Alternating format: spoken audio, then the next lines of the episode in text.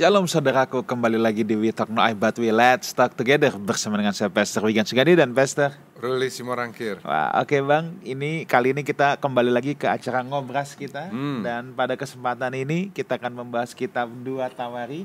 Ya. Dan seperti biasa kalau ngobras ini siapa lagi kalau bukan Ibu Rita Wahyu, thank you so much. Shalom semuanya. Yang sudah datang jauh-jauh dari Surabaya Terima buat temenin undangannya. kita ngobrol. Ini langsung dari airport. Yes. Ya. Dan apa bang namanya acara ngobras ini menjadi salah satu acara yang paling ditunggu-tunggu. Iya. Ya. Witok kita ini ada beragam. Kadang-kadang kita bahas tema yang doktrinal, kadang-kadang tema yang praktis. Tapi sebulan sekali ada ngobras ini ngobrol santai Alkitab di mana kita bahas kitab per kitab. Jadi kalau saudara belum menyaksikan yang sebelum-sebelumnya ya, saudara bisa ke YouTube Life House Community ya. Di sana kita ada komplit dari kitab kejadian. Bahkan di Spotify Life House Community pun itu sudah ada dari kejadian, keluaran, imamat, bilangan, ulangan terus berurutan dan pada kesempatan ini kita sudah sampai di kitab dua Tawari ya. Nah, sebelum kita akan masuk dalam perbincangan kita, saya ingin menyapa dulu ya rekan-rekan, Bapak Ibu Saudara yang menyaksikan acara ini baik lewat YouTube channel maupun lewat MNC Live channel, saya ucapkan selamat bergabung, selamat belajar bersama ya. Khususnya di acara ngobras ini mungkin sering kali kita baca Alkitab tuh bingung-bingung ini bacanya gimana, artinya apa. Tapi saya percaya lewat ngobras ini saudara akan banyak dicerahkan lewat obrolan santai Alkitab ini. So, buka hati kita, kita mau menerima apa yang menjadi isi hatinya Tuhan untuk dilepaskan di tengah-tengah kita. Oke, Ibu Rita, kita pada kesempatan ini akan membahas kitab dua Tawari. Iya. Ya, kitab dua Tawari saudara adalah kelanjutan dari satu Tawari dan kitab dua Tawari ini dibuka dengan doa Salomo di mana Salomo meminta hikmat. Nah, mungkin tanpa panjang lebar lagi saya mau tanya-tanya ke Ibu Rita Wahyu nih tentang latar belakang kitab dua Tawari dulu atau sebelumnya Bang Roli ada yang mau disampaikan dulu Bang? Ini kan udah ditunggu-tunggu nih Bu Rita. Langsung aja ke Bu Rita. Oke, Bu mungkin bisa jelaskan sedikit overview-nya dulu tentang kitab dua Tawari ini. Ya, kitab dua Tawarik ini adalah tentu saja lanjutan dari kitab satu Tawarik yang bulan lalu kita sudah pelajari bersama apa itu Tawarik. Tawarik itu berasal dari bahasa Arab yang artinya eh, mirip dengan kronologi. Nah, dan dalam bahasa Ibraninya adalah Divrei Hayamim. Divrei itu perkara-perkara, Hayamim itu zaman. Jadi segala perkara-perkara zaman dicatat dalam suatu kitab sejarah. Jadi Alkitab adalah satu-satunya kitab suci yang bicara tidak hanya tentang morally tetapi juga bicara tentang sejarah. Jadi bangsa Yahudi itu bisa mengurut dari mana mereka berasal. Mulai ja- dari Adam. Jadi kitab suci kita adalah satu-satunya kitab yang bicara mengenai kelahiran sebuah bangsa. Boleh kita katakan mungkin bangsa yang paling berhikmat itu adalah bangsa Yunani, tapi they have no idea dari dari mana mereka berasal.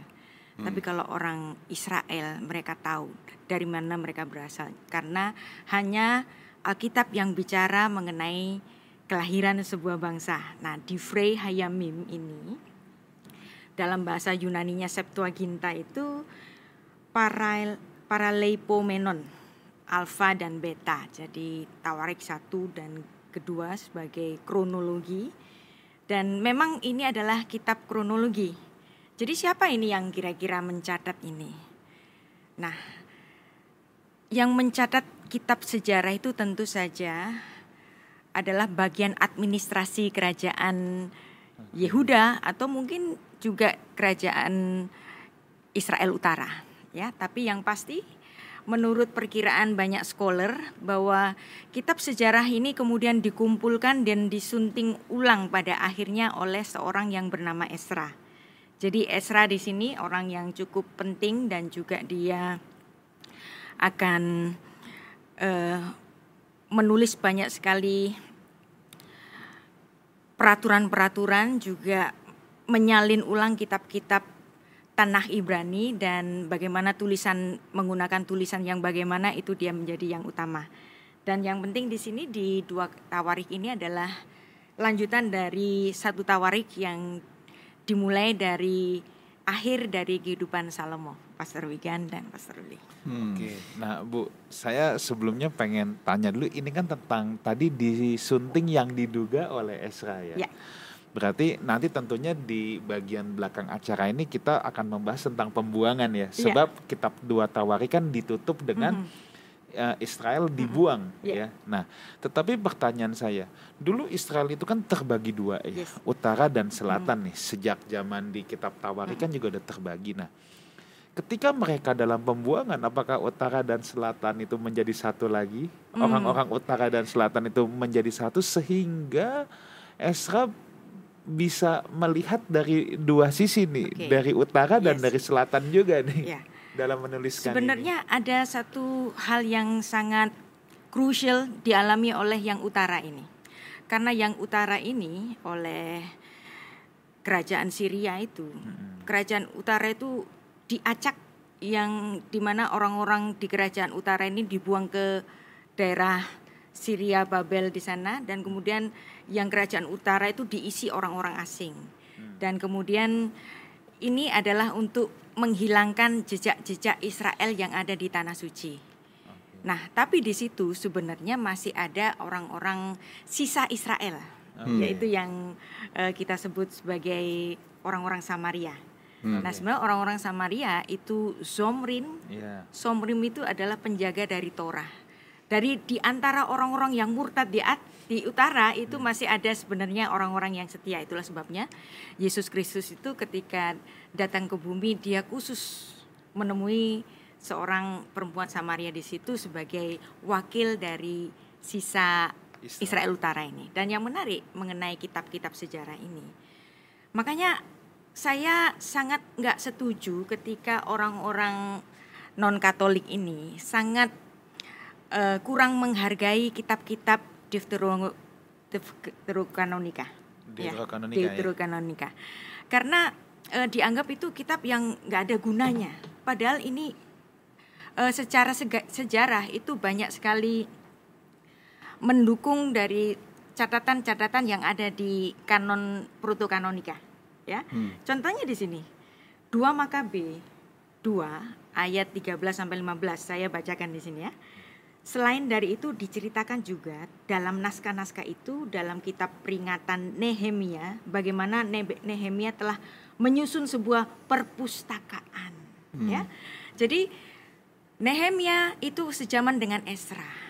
Nehemia ini adalah seperti kita kita boleh katakan itu dia seorang arsitek. Dia membangun tembok Yerusalem, dia membangun perpustakaan yang memfasilitasi orang-orang yang dari Israel ini kembali ke tanah suci. Dia membangun perpustakaan yang di mana eh, literatur-literaturnya ini orang yang paling penting adalah Esra. Hmm. Nah makanya kalau kita jadi orang Kristen, kitab Deuterokanonika itu boleh dibaca. Namanya juga Deuterokanonika. Dia tentu nggak nggak selevel dengan Protokanonika, tapi secara sejarah ini membantu kita banyak sekali, ya. Dan juga nanti apa yang ada terjadi pada masa intertestamental Iya. ya itu kan nggak ada di Alkitab Protokanonika tapi di kitab kitab Makabe ini penting sekali di mana Yesus nanti di perjanjian baru itu di di Yohanes pasal 8 itu diceritakan Yesus berjalan-jalan di Serambi Salomo ketika ada hari raya pentabisan bait Allah. Nah itu kan nggak ada di kitab eh, Tanakh Ibrani, tapi adanya hanya ada di Deuterokanonika. Juga dalam ketika kita membaca kitab dua Tawarik ini, ketika kita menggabungkannya, oh ternyata teksnya itu orang yang paling penting adalah Esra dan orang yang memfasilitasi tempat bagi teks-teks penting bagi kerajaan Israel itu dia adalah Nehemia seperti yang ditulis dua Makabe, Pastor Wigan. Hmm. Bu, saya mau kasih pertanyaan yang mungkin praktikal ya, karena ya buat Saya, saya tuh udah sering beber, atau beberapa kali dengar ibu bilang bahwa nggak ada kitab lain, kitab suci lain yang nyatat sejarah sehingga melalui catatan Alkitab bisa kita ketahui asal mula suatu bangsa. Iya. Ya. Nah, itu kalimat itu tuh buat saya menarik gitu, Bu. Karena sekarang pertanyaannya adalah kenapa ya kenapa hal itu menjadi penting itu pertama. Kenapa kenapa di dalam Alkitab kita mencatat suatu sejarah? Nah, sedangkan ini kan kitab suci gitu. Kalau dia kitab suci, kan yang dicatat adalah apa yang dilakukan Tuhan, gitu apa ya. yang boleh dan nggak boleh. Atau apa yang boleh atau yang nggak boleh. Yes. Nah ini relevansinya gimana bu? Kenapa pencatatan suatu, sebagai suatu bangsa awal mula suatu bangsa itu penting? Ya. Karena kalau kita bisa menghayati dari mana awal suatu bangsa itu muncul, yang muncul dari satu orang laki-laki saja. Nah, ketika satu orang laki-laki ini diciptakan, akan ada pertanyaan, siapa yang menciptakannya? Nah, di situ kitab Kejadian melalui Musa menceritakan kepada kita bahwa dalam Kejadian 1 ayat 1 nggak ada oknum lain yang menciptakan alam semesta ini kecuali Elohim saja Kejadian 1 ayat 1. Nah, dari situ itu adalah pernyataan eh, kepercayaan monoteisme yang pertama. Jadi genealogi monoteisme di mana? Di Kejadian 1 ayat 1. Hmm. Nah, genealogi manusia yang pertama siapa? Adam. Hmm. Nah, lalu apakah istrinya itu diciptakan bersama-sama? Enggak. Istrinya itu adalah keturunan Adam sendiri karena Adam dibelah kemudian diciptakan teman bagi dirinya. Nah, setelah itu baru kemudian ada beranak pinak dan kemudian keturunan dari Kain ini yang pertama dia membunuh Habel. Nah, ini menarik juga. Orang yang dikenan di Alkitab Hmm. yang pertama kali Kejadian pasal 4 ayat 2 itu mengatakan Habel adalah seorang gembala kambing domba. Dan ketika Habel ini memberikan eh, persembahannya, persembahannya itu dikenan. Dan nanti kalau Anda membaca dalam Matius pasal 23, Tuhan Yesus mengatakan Habel orang benar. Nah, jadi orang yang dikenan pertama di Alkitab, keturunan Adam, dia seorang gembala. Kemudian di eh, Yohanes pasal 8 Yesus mengatakan akulah gembala yang baik. Jadi di sini kita melihat ketika juga anak-anak Yakub itu ketika masuk ke tanah Mesir ketemu dengan Firaun. Siapa kamu? Kami adalah para gembala, nenek moyang kami adalah gembala. Nah, ring the bell. Hmm, Itulah kenapa sampai hari ini di gereja-gereja hari ini pun selalu tidak akan pernah lepas dari penggembalaan. Karena dari pattern dari Alkitab ini. Jadi ini juga nggak bisa lepas dari sejarah. Hmm. Dan satu-satunya Alkitab yang bisa mengkronologi bangsa-bangsa ini. Misalnya begini, kok bisa tiba-tiba muncul bangsa ini, bangsa ini, bangsa ini? Asalnya dari mana? Kita bisa menunjuk jelas, oh itu ada di kejadian pasal 10 Hmm. ya kan dari ketiga putra Nuh nggak akan ada yang di luar itu manusia hari ini seandainya misalnya ada yang dikatakan ada manusia-manusia prasejarah Hmm. ya manusia-manusia prasejarah. Di mana mereka? Ya sudah hilang. Di mana hilangnya? Waktu banjir Nuh. Hmm. begitu kan? Nah ada juga yang menarik dari tulisan seorang profesor dari eh, Hebrew University Yuval Noah Harari. Nah dia itu adalah menjadi salah satu filsuf yang cukup besar pada zaman ini Yuval Noah Harari dia mencoba mengharmonisasi tentang sejarah manusia ini dari kok ada ditemukan manusia neandertal, manusia-manusia purba. Terus bagaimana dengan Adam? Adam kan umurnya jauh lebih muda daripada eh, manusia-manusia yang diperkirakan berumur ribuan tahun itu. Dari bukunya yang berjudul Sapien itu, dia bisa mengharmonisasi apa yang ditulis dari Alkitab dengan apa yang ditemukan oleh para ilmuwan itu. Dia mempunyai pemikiran begini. Mungkin saja sebelum diciptakan Adam, Tuhan menciptakan makhluk hidup semacam manusia. Maybe, maybe Okay. ya. Dan itu bisa ditempatkan di sembarang tempat. Hmm. Tetapi ya. Manusia yang berhikmat yang diciptakan dalam gambar dan rupa Allah yang diciptakan dalam suatu sidang ilahi hanya Adam. Wow. Dan Tuhan Hmm. nggak menaruh di sembarang tempat. Iya. Naruhnya di Hmm. mana? Di Taman Eden. Jadi Eden itu adalah awal dari peradaban. Hmm. Mungkin saja ada ada mungkin binatang, mungkin juga manusia, Homo sapien maybe, tapi itu bukan manusia seperti Adam yang diciptakan dalam gambar dan Hmm. rupa Allah. Makanya ya, kalau ada misalnya ditulis di Alkitab ada semacam Nephilim, manusia yang gede-gede. Mungkin itu Bisa aja adalah mereka. bisa saja mereka. Tapi mereka kok sekarang nggak ada? Iya nggak ada. Kenapa kok nggak ada? Banjir dong. Banjir no. Maka Adam adalah awal dari manusia yang berhikmat, yang beradab, bahkan dia adalah seorang filsuf yang pertama. Nah, Ya. dari situ makanya hanya Alkitab bisa bicara tentang sejarah dari mana kita berasal. Oke. Begitu, Pastor. Ada dua hal yang menarik dari Iya. dari apa yang Ibu sampaikan ya. Yang yang pertama itu adalah bahwa begini. Seringkali orang kejebak menjadi dua polar Mm-mm. pendapat. Yes. Apakah ada orang-orang yang di luar Adam? Ya. Bisa biasanya bilang ada polarnya bilang ada atau tidak ada. Iya. Iya kan? Iya. Nah, ternyata bisa aja dibilang bisa saja ada. Yes. Tapi Tidak nah, ini kan tidak. keren ya, tapi yang berhikmat, yang dicipta segambar serupa dengan Allah itu hanya ada Adam yang di, yang mana itu Adam yang di Eden gitu ya. Iya.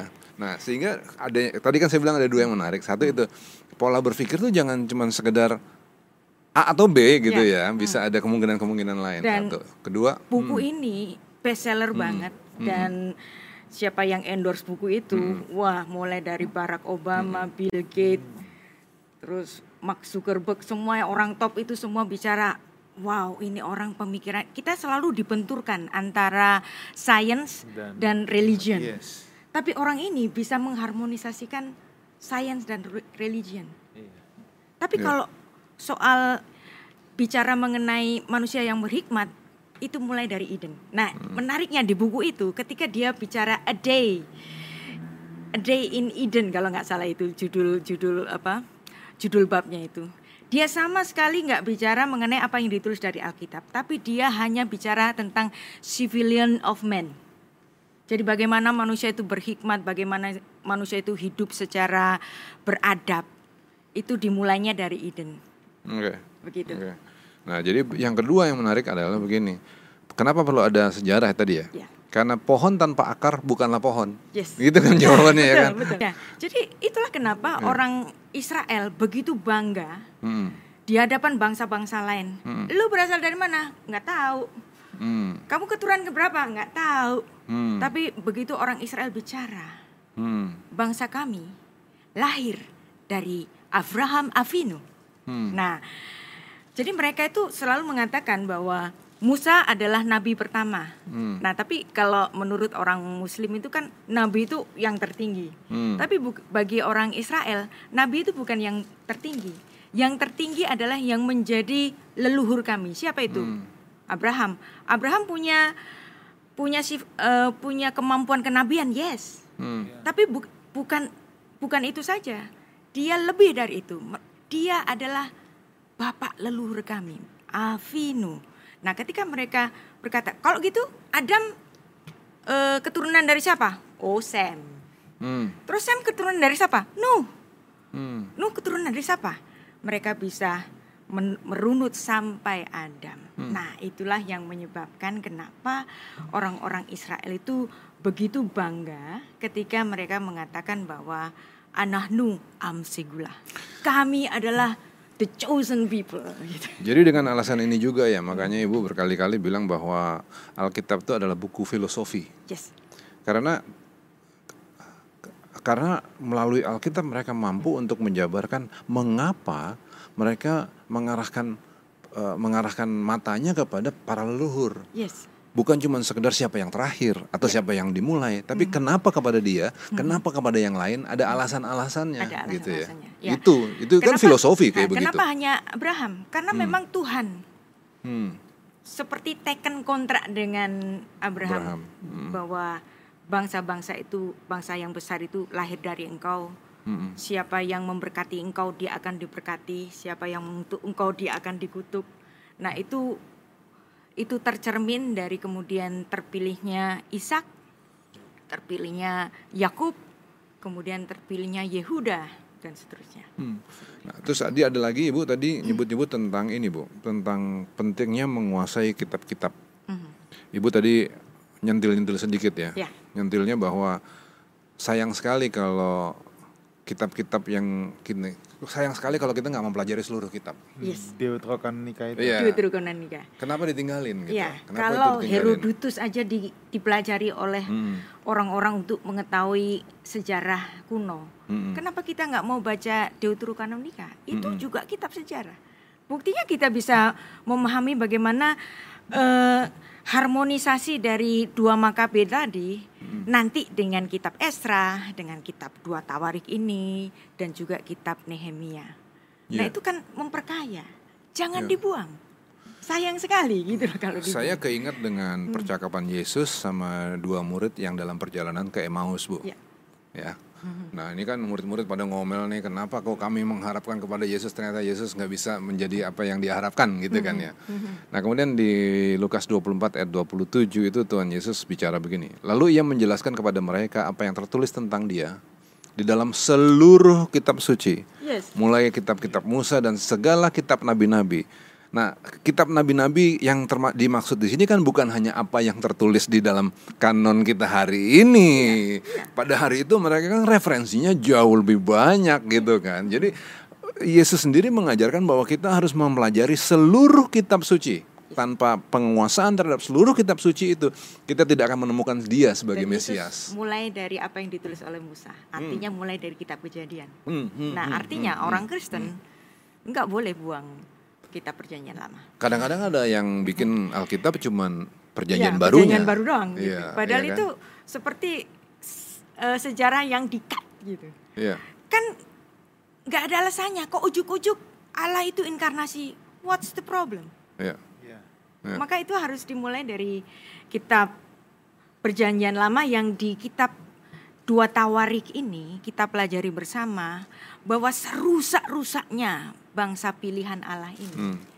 Tuhan itu hanya menghukum sampai di pembuangan tapi tidak membiarkan bangsa ini lenyap. Hmm. Nah, nanti ini terakhir-terakhir dari kitab Dua Tawarik ini menarik. Kenapa Hmm. kok bangsa Israel itu yang memberontak kepada Tuhan pada akhirnya itu dibuang ke Hmm. Babel selama 70 tahun. Perjanjian lama tanpa Makabe aja ternyata ada Iya, makna yang hilang ya. Kalau kita misalnya membaca kitab Yohanes, Tuhan Yesus ujuk-ujuk Hmm. merayakan satu perayaan yang nggak ada di kitab Torah. Hmm. Kita mesti tanya dong, Apa lo ini ya? Hmm. referensinya yang mana nih? Padahal itu referensinya di kitab 2 Makabe. Nah, Bu, saya sekarang mau beranjak ke Salomo nih ya, Bu. Ya, ya. oke. Kenapa setelah Salomo meninggal, Mhm. kerajaan itu terpecah dua justru? Ya. Karena memang eh, pecahnya kerajaan Salomo ini berdasarkan dari kesalahan Salomo yang pernah tidak setia. Hmm. Ya, kita harus tahu memang bahwa Salomo adalah orang yang berhikmat, tapi walaupun hikmatnya itu katanya seperti pasir di laut, dia juga pernah berbuat bodoh. Apa? Condong pada ilah-ilah asing. Hmm. Ya, untunglah Tuhan itu e, berjanji kepada Salomo, rohku tidak akan meninggalkan kamu seperti aku meninggalkan Saul. Jadi artinya di sini ini menjadi satu kunci. Banyak orang yang e, karena di kitab satu raja-raja itu ditutup dengan Salomo yang berbuat dosa dan kemudian stop sudah. Kita menganggap Salomo itu nggak bertobat. Oke. Tapi kalau kita eh, membaca tentang tentang janji Tuhan kepada Salomo bahwa dia rohnya itu tidak akan meninggalkan Salomo seperti dia meninggalkan Saul. Artinya sejatuh-jatuhnya Salomo masih diberikan kesempatan untuk bertobat. Nah, pertobatannya di mana? Hmm. Di kitab tiga yang ada di Ketuvim. Yang pertama adalah Kidung Agung, kemudian Amsal, dan kemudian Kohelet Hmm. eh, pengkhotbah. Pengkhotbah. Nah, pengkhotbah kalau Anda membaca secara eh, dalam itu adalah satu wejangan dari orang yang memang mau menghadap Tuhan. Dan itu tulisan dari Salomo di masa pertobatannya. di masa akhir hidupnya. Hmm. Nah, Bang, Oke. Bang tadi saya agak tergelitik nih tentang Ibu Rita bilang Salomo melakukan kebodohan. Ya. Kenapa saya tergelitik? Satu sisi dia adalah orang yang paling berhikmat, Iya. ya kan? Ya? Iya, ngeri banget ya. Satu sisi dia orang paling berhikmat, Ya. tapi satu sisi juga ternyata orang yang berhikmat juga bisa bertindak bodoh. Iya. Nah, Bu, coba nih Bu ya, kalau saya selalu berpikir Bu bahwa memang kebodohan itu sebenarnya bukan orangnya, tapi apa yang dilakukan. Yes. Stupid is What the what stupid does. ya. Bukan orangnya tapi what what he does ya, What apa yang dia Saya tuh ingat lakukan. film Forrest Gump. Iya, iya, iya. Iya. yang dia ceritanya idiot, teman-temannya bully dia, tapi mamanya selalu kasih semangat kan. Iya. Stupid is, Forrest, stupid is, what the stupid does. Artinya kita bisa profesor, dokter, sampai kayak Salomo tulis tulis Amsal yang begitu Iya. hebat, tapi bisa jatuh dalam kebodohan loh. Iya. Dan ini janji Tuhan yang ditulis di 2 Samuel 7 ayat 14 sampai 15 ini harus kita baca supaya kita jangan terjebak eh, memberikan satu judgement bahwa Salomo tidak pernah bertobat. Ya. Hmm. Dari kitab Tuhan apa Bu? Tadi 2 Bu? Samuel 7 ayat 14 sampai 15. Oke, 2 Samuel. 2 Samuel ya Bu ya. Ya. Pasal 7. 7 ayat Oh, tunggu ini saya ini satu Samuel. Hmm. 2 Samuel pasal yang ketujuh ayat yang keberapa Bu? Sorry. 14 sampai 15.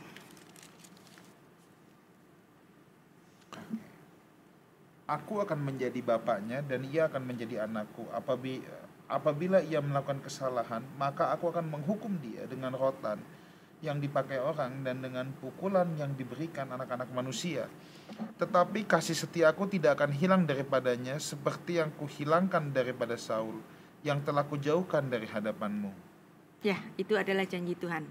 Jadi saya percaya bahwa Salomo tetap dijaga oleh Tuhan, nggak sampai dia itu mati tidak bertobat.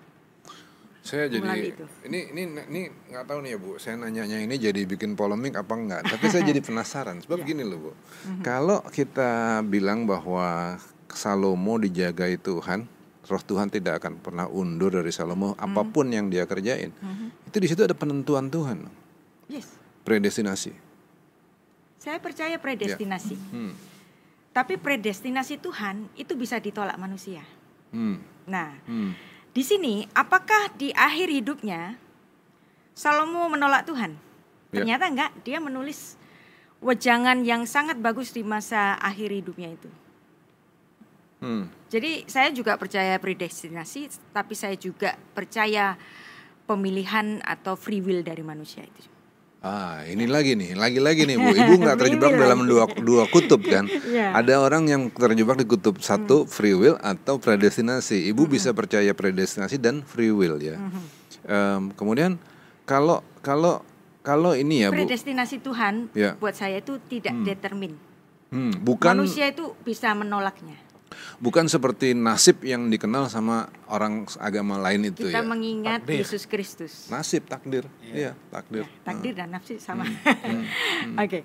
Nah, Yesus pernah menangisi Yerusalem. Hmm, Yerusalem, Yerusalem, aku rindu mengumpulkan engkau. hmm. Tapi engkau tidak mau. Yesus menangis. Aku rindu men- mengumpulkan engkau. tapi engkau tidak mau. Jadi ada predestinasi Tuhan. Ada tapi predestinasi. kemudian dipatahkan, oleh Dipatahkan oleh manusia-manusia yang menolaknya. Hmm, oke. Iya. Jadi bukannya tidak ada ya, Bu? Yes. Ada. Saya- Kalau gitu free will-nya di mana, Bu? Nah, free will-nya itu tarikan Tuhan, Hmm. ya. Kalau Hmm. aliran tertentu mengatakan kalau ditarik itu kita nggak bisa melepasnya. Sama sekali tidak Sama bisa. sekali tidak bisa Hmm. melepasnya. Hmm. Tarikan Tuhan itu bisa dilepas oleh manusia. Hmm. Oke. Oke. Dan ketika manusia itu bertobat, Tuhan bisa kok dengan baik menerimanya kembali. Contohnya ini Salomo, Hmm. ya. Ini tangisan Yesus kepada Yerusalem itu nunjukin bahwa di sana ada free will sekaligus. Kalau Ya. seandainya ada orang yang memang sudah di ditakdirkan untuk selamat, selamanya selamat. Apa pun atau yang terjadi. Apa pun yang terjadi. Atau misalnya ada yang ditakdirkan tidak selamat. Oke. Tangisan Yesus itu cuman sinetron. Oke. Sekarang kembali ke kasus Salomo kalau gitu Bu Oke, ya. yes. Nah, Salomo di ujung harinya dia ada penyesalan sehingga Mm-hmm. kemudian dia menulis eh, kitab pengkhotbah. Di situlah kelihatan penyesalannya Salomo ya Bu. Mm-hmm. Nah, kalau kalau tadi kita bicara tentang predestinasi versus free will, Mm-hmm. bukankah kemudian penyesalan itu pun adalah karena Salomo ditakdirkan untuk menyesal? Oh. Manusia tetap bisa menolak. Hmm. Tapi pada akhirnya dia yang menentukan sendiri. Seperti Manusianya manusia menentukan. yang menentukannya sendiri. Jadi Tuhan itu tahu masa depan. Tuhan itu maha tahu Hmm. apa yang terjadi sebelumnya, tapi dia tidak terikat dengan kemahatauannya. Sehingga Hmm. itu pun mengikat manusia. Demikian. Ini memang agak sulit. Tapi saya percaya manusia tetap diberikan haknya untuk dapat memilih secara kehendak bebasnya. Ah, jadi kalau begitu Ibu sampaikan di sini bahwa penyesalan Salomo itu datang karena penyesalan Salomo, bukan karena diatur yang Enggak. seperti itu. Kalau karena eh, karena Salomo bukan bukan robot, ya, dia adalah orang yang berhikmat. ya. Pada saatnya, ketika Tuhan mengatakan nanti kalau kamu mati, kerajaanmu akan terpecah dan itu sudah dinubuatkan dan terjadi setelah kematiannya. Oke, nah, kenapa Tuhan tidak menyelamatkan Salomo dengan cara predestinasi? Karena Ibu bilang tadi, karena Tuhan sekalipun dia mengetahui masa lalu dan masa depan, dia tidak terikat pada pengetahuannya, Ya. gitu ya. Seperti juga di dalam kitab Deuterokanonika, Hmm. dalam kitab Sirak 1514. Ini menarik sekali ya. Makanya bacalah kitab Hmm. Deuterokanonika. Ada banyak hikmat di sana. Hmm. Ditulis begini, Allah bermaksud menyerahkan manusia kepada keputusannya sendiri. Hmm. Dan kalau ini di- digabungkan dengan apa yang diajarkan oleh Bapak Gereja Irenaius, bahwa manusia itu berakal budi dalam citra Allah, tetapi dia adalah Tuhan bagi tingkah lakunya sendiri. Hmm. Situ kuncinya ya. Ya.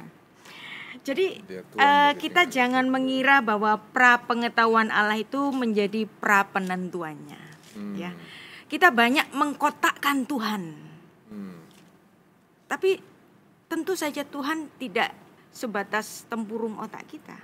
Hmm. Dia jauh lebih dari itu. Dan pra pengetahuan Allah itu juga jangan dicampur adukan dengan pra penentuannya, Oke. ya. Oke. Jadi kita banyak yang eh, skeptis terhadap Tuhan sendiri.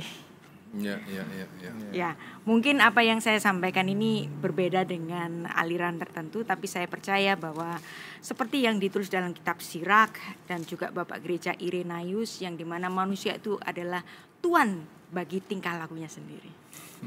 Oke. Oke. Oke, baik.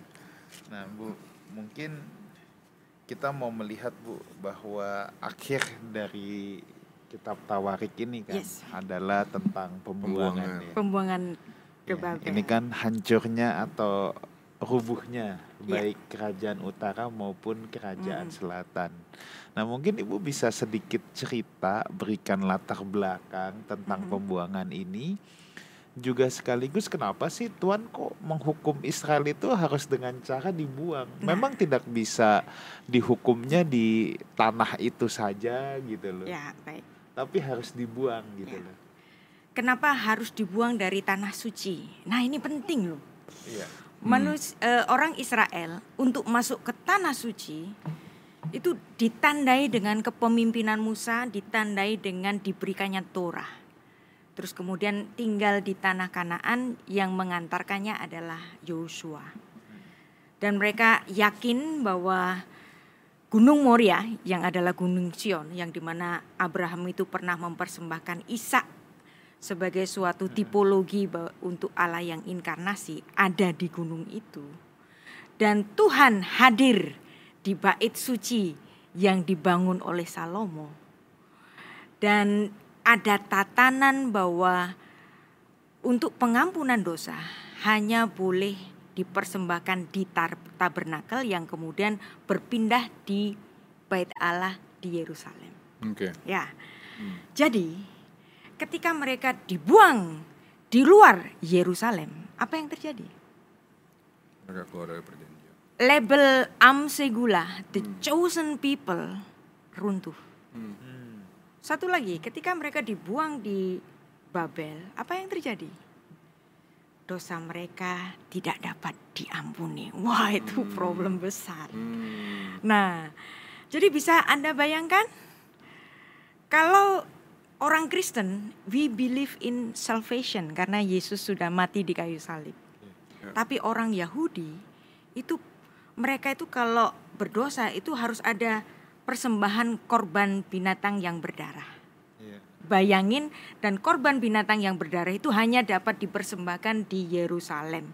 Ketika mereka dibuang di Babel, nah orang-orang yang saleh ini itu bukan cuman orang yang murtad tapi orang yang saleh pun teriak, "Tuhan, kalau kami dibuang, bagaimana cara kami bisa diampuni dosanya?" Dan di situ mereka menjadi semiskin miskinnya Oh sih. ya. Jadi ketika mereka ada dibuang di Babel, mereka menjadi orang yang semiskin-miskinnya. Mereka setelah masa keemasan Daud dan Salomo menjadi bangsa yang super power kala itu, ya.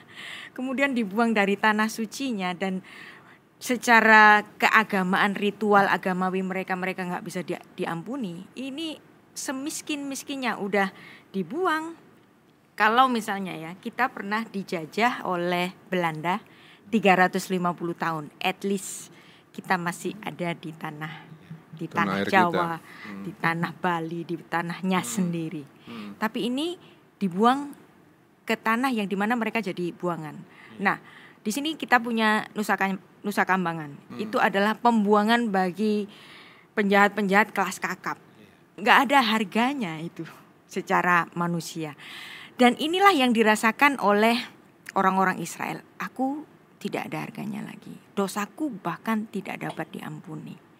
Nah, penghukuman semacam itulah yang terjadi pada pada orang Israel. Mereka menjadi ada di dalam titik serendah-rendahnya bukan cuma nol tapi minus. Oke. Ya. Nah, itulah kenapa. Nah, ini kalau saya gabungkan ke dalam perjanjian baru, ini so beautiful. Ya. Saat mereka di di pembuangan, ini ini sebenarnya bahasan untuk kitab Esra, tapi kita sentil sedikit ya. Sentil sentil aja sedikit. aja. banyak-banyak. Biar bulan depan harus Ah, ditungguin ini ngobras. Jadi itulah kenapa nanti di perjanjian baru sabda pertama Tuhan Yesus di di bukit.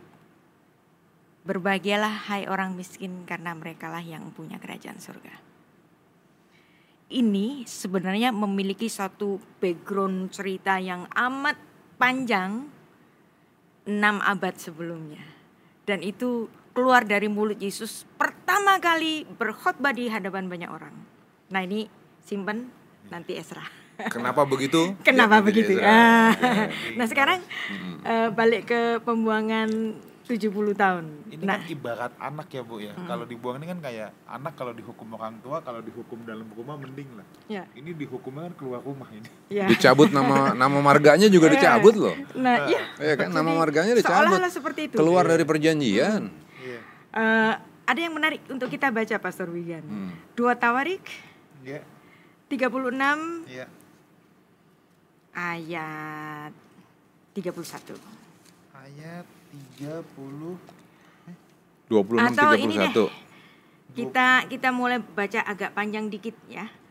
Mulai 36 ayat mulai ayat 17 sampai 21 supaya kita bisa mendapatkan gambar besarnya. Oke, Tuhan menggerakkan raja orang Kasdim melawan mereka. Raja itu membunuh teruna dengan pedang dalam rumah kudus mereka dan tidak menyayangkan teruna atau gadis, orang tua atau orang ubanan, semua diserahkan Tuhan ke dalam tangannya. Seluruh perkakas rumah Allah yang besar dan yang kecil serta harta benda dari rumah Tuhan, harta benda raja dan harta benda da- para panglimanya semuanya dibawanya ke Babel. Mereka membakar rumah Allah, merobohkan tembok Yerusalem dan membakar segala puri dalam kota itu dengan api sehingga musnahlah segala perabotan yang indah-indah. Mereka yang masih tinggal dan yang luput dari pedang diangkutnya ke Babel dan mereka menjadi budaknya dan budak anak-anaknya sampai kerajaan Persia berkuasa. Dengan demikian genaplah firman Tuhan yang diucapkan Yeremia sampai tanah itu pulih dari akibat dilalaikannya tahun-tahun sabatnya karena tanah itu tandus selama menjalani sabat hingga genaplah 70 tahun. Ya. Jadi kita bisa melihat di sini bahwa penulis dari kitab Tawarik ini mempelajari nubuat-nubuat nabi-nabi. Hmm. Ya. Jadi dia hidup setelah nabi-nabi besar itu hidup. Oke. Maka kemudian kita eh, para scholar itu eh, meng- memperkirakan bahwa ini adalah tulisan dari Esra. Nah, jadi apa yang dinubuatkan oleh Yeremia 70 tahun itu terjadi dan itu di, dialami oleh generasinya Esra. Nah, dan yang menarik nanti dalam pembuangan 70 tahun itu nanti ada seorang yang raja besar Iya. raja besar dari Persia yang mengalahkan Babel Iya. ya. Dan kemudian menguasai Babel itu dan kemudian dia menjadi penguasa yang memberikan satu dekrit. Nah ini dekritnya menarik. Ada di dua Tawarik 36 ayat 23 Pastor Wiga Ayat 23 Dekret Kores ya Bu ya, ya. Beginilah perintah Kores Raja Persia. Segala kerajaan di bumi telah dikaruniakan kepadaku oleh Tuhan. Allah semesta langit, ia menugaskan aku untuk mendirikan rumah baginya di Yerusalem yang terletak di Yehuda. Siapa di antara kamu termasuk umatnya Tuhan Allahnya menyertainya dan biarlah ia berangkat pulang. Nah, Bu, ini menarik kalau kita lihat ini Iya. kan raja orang kafir ya. Iya, raja orang kafir Iya. tapi diurapi Tuhan Iya, tapi kalau kita lihat dari dekretnya Iya, dia, Heeh. ini kan dia mengakui Elohim Yahweh ini. Ah. Nah, ini Keren gimana ya? Terjemahan atau memang begitu? Eh, sebentar ya, kita Iya. baca lagi. Demikianlah genaplah firman Tuhan. Hmm. eh, sorry sorry yang 23 ya. 23. Beginilah firman Tuhan eh, perintah Kores eh, ya. Jadi dia mengetahui apa yang disembah oleh orang-orang Israel itu. Ya. Oke. Belum tentu dia menyembah Allah Israel. Tet- Oh, Tetapi see. dia mengetahui bahwa orang-orang Israel itu menyembah eh, Tuhan Allah ini, Tuhan semesta langit dan bumi. Dan dia mengetahui betul apa yang ada di apa yang sedang orang-orang buangan ini berasal dari mana dan kemudian dia memberikan sebuah dekrit. Dan yang menarik juga kita bisa gabungkan dengan satu nubuat dari Yesaya ya. Ini nubuat Yesaya ini terjadi sebelum Kores itu muncul. Dan Kores ini disebut dalam nubuat Yesaya itu sebagai orang yang diurapi, Mesias. Yesaya 45 ayat 1. Yesaya 45.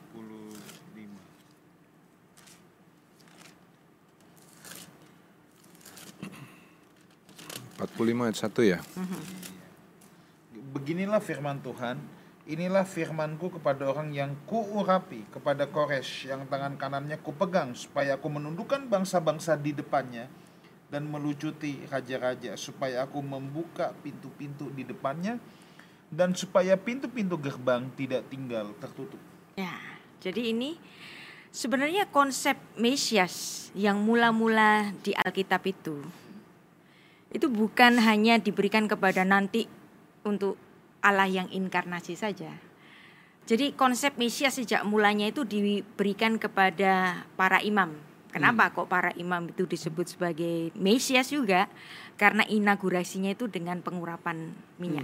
Nah, kemudian ada juga raja-raja Israel itu mereka juga disebut sebagai orang yang diurapi berarti raja-raja Israel adalah Mesias juga karena inaugurasinya juga diurapi. Nah, mulai dari Yesaya 45 ini yang merujuk kepada Kores. Kores itu dikatakan Tuhan sebagai orang yang kuurapi. Dan tentu saja nggak ada inaugurasi ada imam yang mengurapi Kores kan. Berarti pengurapan pada Kores ini adalah pengurapan roh Allah ya. Yang artinya di sini bahwa konsep Mesias itu sudah mulai sedikit berubah. Konsep Mesias adalah orang yang eh, membebaskan orang tawanan ini kembali ke tanah sucinya. Hmm. Ya, artinya dia adalah seorang pembebas. Dari situ eh, konsep Mesias mulai bergeser. Nah, karena bagaimanapun Kores ini adalah bangsa bangsa lain dan bukan berasal dari orang Israel. Tentu saja Kores tidak akan hanya dipakai Tuhan sebagai alat di kala itu saja. Tetapi ada yang diurapi yang lain nanti akan datang untuk membebaskan kita dari penjajahan yang lain. Nah, ini jadi ada konsep Mesias yang kedua bahwa konsep Mesias yang kedua adalah satu oknum yang membebaskan mereka dari perbudakan atau dari penjajahan dan ternyata memang setelah mereka kembali ke tanah suci oleh karena dekritnya Kores itu dan tentu saja kembalinya orang Israel ini tentu saja bertahap nanti sampai ada tahap pertama dan kemudian ada rombongan kedua. Nah, rombongan kedua ini adalah rombongannya yang dipimpin oleh Esra ini. Nah, dari situ eh, kemudian konsep Mesias ini berubah bahwa Mesias yang dijanjikan adalah Mesias yang membebaskan kita dari penjajahan. Kita masuk ke tanah suci tapi kita belum menjadi orang merdeka. Selepas Kores mati, ada raja yang lain, ya kan? Ada ya, raja yang lain yang menguasai mereka dan mereka itu bukan menjadi bangsa merdeka. Lepas dari media Persia, mereka dikuasai orang-orang Makedonia. Alexander Agung datang. Lepas dari Alexander Agung udah mati, ada dinasti Seleukus. Lepas dari dinasti Seleukus, datang kerajaan Romawi, eh, Emporium Romawi pada tahun 63 sebelum Masehi. Nah, artinya mereka, loh, kok belum datang-datang juga? Kok belum datang-datang juga? Berarti ketika Yesus datang dan ketika dia masuk ke Yerusalem dengan naik keledai dan kemudian orang-orang teriak Hosana. Oh ini kali, ini, ini Mesias kita. Tapi ketika mereka melihat Yesus tidak berbuat apa-apa, mereka menjadi kecewa. Ah, Romawinya masih ada. Seperti itu.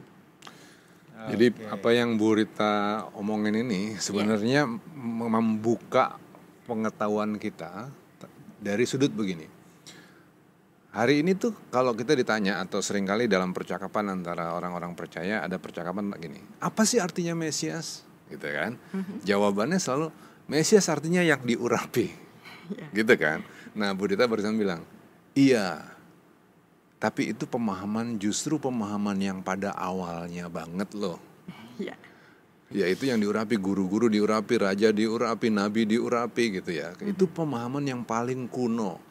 Nah, jangan lupa bahwa ada perubahan pemahaman. Mesias menjadi Mesias yang menyelamatkan, yang diurapi benar, tapi kemudian yang menyelamatkan seperti Kores. Kores itu raja asing yang menyelamatkan, disebut Mesias. Tapi kemudian Yesus di dalam bait Allah kedua itu dalam pemahaman Mesias yang sama sekali berbeda nih udah. Pemahaman Yesus sebagai Mesias adalah Mesias yang ilahi. Yes. Ya. Dan bukan itu saja, sekarang konsepnya sudah beda lagi. Nah, Siapa yang nanti disebut sebagai Mesias? Dia yang nanti bisa membangun kembali bait Allah ketiga. hmm. Itu yang sedang dinanti oleh saudara-saudara kita dari Rabbinic Judaism. Nah, tapi kalau dari kita, kalau dari kita, adakah memang rencana Tuhan untuk membangun bait Allah yang ketiga? Untuk kita itu nggak ada perlu-perlunya. Iya. Untuk kita. oke. Nah, Ya, baik jadi sudah sudah. kita. Sekarang gini, kenapa kok bait Allah dibiarkan Tuhan runtuh pada tahun 70 Masehi? Hmm. Karena memang sudah nggak nggak butuh lagi. Hmm. Bayangkan seandainya bait Allah itu tetap berdiri, Iya. apa yang terjadi? Sampai hari ini mereka akan mempersembahkan korban darah binatang. Hmm. Yang sebenarnya korban itu sudah ditutup oleh Tuhan Yesus yang mengatakan tetelestai. Hmm. Nah, jadi runtuhnya bait Allah pada tahun 70 Masehi itu kehendak Tuhan karena Yesus sudah mengatakan tetelestai. Oke, Bu, kita sudah di penghujung acara, tapi saya ada satu pertanyaan terakhir, cukup dijawab iya atau tidak, Bu. Menurut Ibu Rita, bait Allah ketiga akan ada atau tidak? Cukup ya atau tidak? Tidak. Oke, baik, thank you. Oke, Ibu Rita, thank you so much untuk ngobras pada kesempatan ini. Eh, mungkin ada satu closing statement singkat. Ya, kita sudah mempelajari tentang kitab sejarah dan kita bersyukur bahwa kita memiliki warisan kitab yang sedemikian indah sekaligus memberikan kita dari mana asal kita. Kenapa kita harus ditebus oleh Yesus Kristus semuanya dicatat dalam kitab sejarah ini secara kronologis. Kita sudah mempelajari kitab satu Tawarik di- dan sekarang kita mempelajari dua Tawarik. Ini semua bicara mengenai sejarah keselamatan. Jadi keselamatan itu bukan ujuk-ujuk datang, tetapi ada sejarahnya. Sejarahnya sejak kapan? Sejak kitab Kejadian. Hmm. Bang, ada closing statement. Kalau saya dari apa yang dibicarakan malam ini, saya melihat bahwa Bu Rita tuh bukain pikiran kita dengan cara begini. Alkitab itu adalah buku yang menarik untuk dibaca karena isinya bukan cuma sekedar hal-hal yang nggak jelas. Isinya justru mengenai latar belakang suatu budaya, latar belakang suatu bangsa, kemampuan berpikir secara filosofis, sejarah, macam-macam ada di situ. Kaya sekali. Jadi kalau ada masih sampai ada orang yang baca Alkitab dua ayat ketiduran, keterlaluan kali. Oke, closing statement dari saya, saya sangat menarik sekali melihat uh, Kores, orang bangsa kafir pun bisa dipakai Tuhan. Dan saya percaya setiap saudara juga pasti bisa dipakai oleh Tuhan dan Tuhan ingin memakai hidup kita semua. Sebab sejak semula manusia memang adalah mitranya Tuhan untuk menjadi pelaksana kehendaknya di bumi ini. Oke, thank you so much Ibu Rita untuk malam hari ini untuk Sama-sama, pembahasan kita ngobras kitab Tawari saudaraku jangan lupa nanti bulan depan ngobras kita akan masuk di kitab Esra ya. Jadi jangan ketinggalan ngobras ini selalu menjadi acara yang sangat dinanti-nantikan. So see you again see you next week. Masih tetap di We Talk No I But We Let's Talk Together. God bless you. God bless. God bless.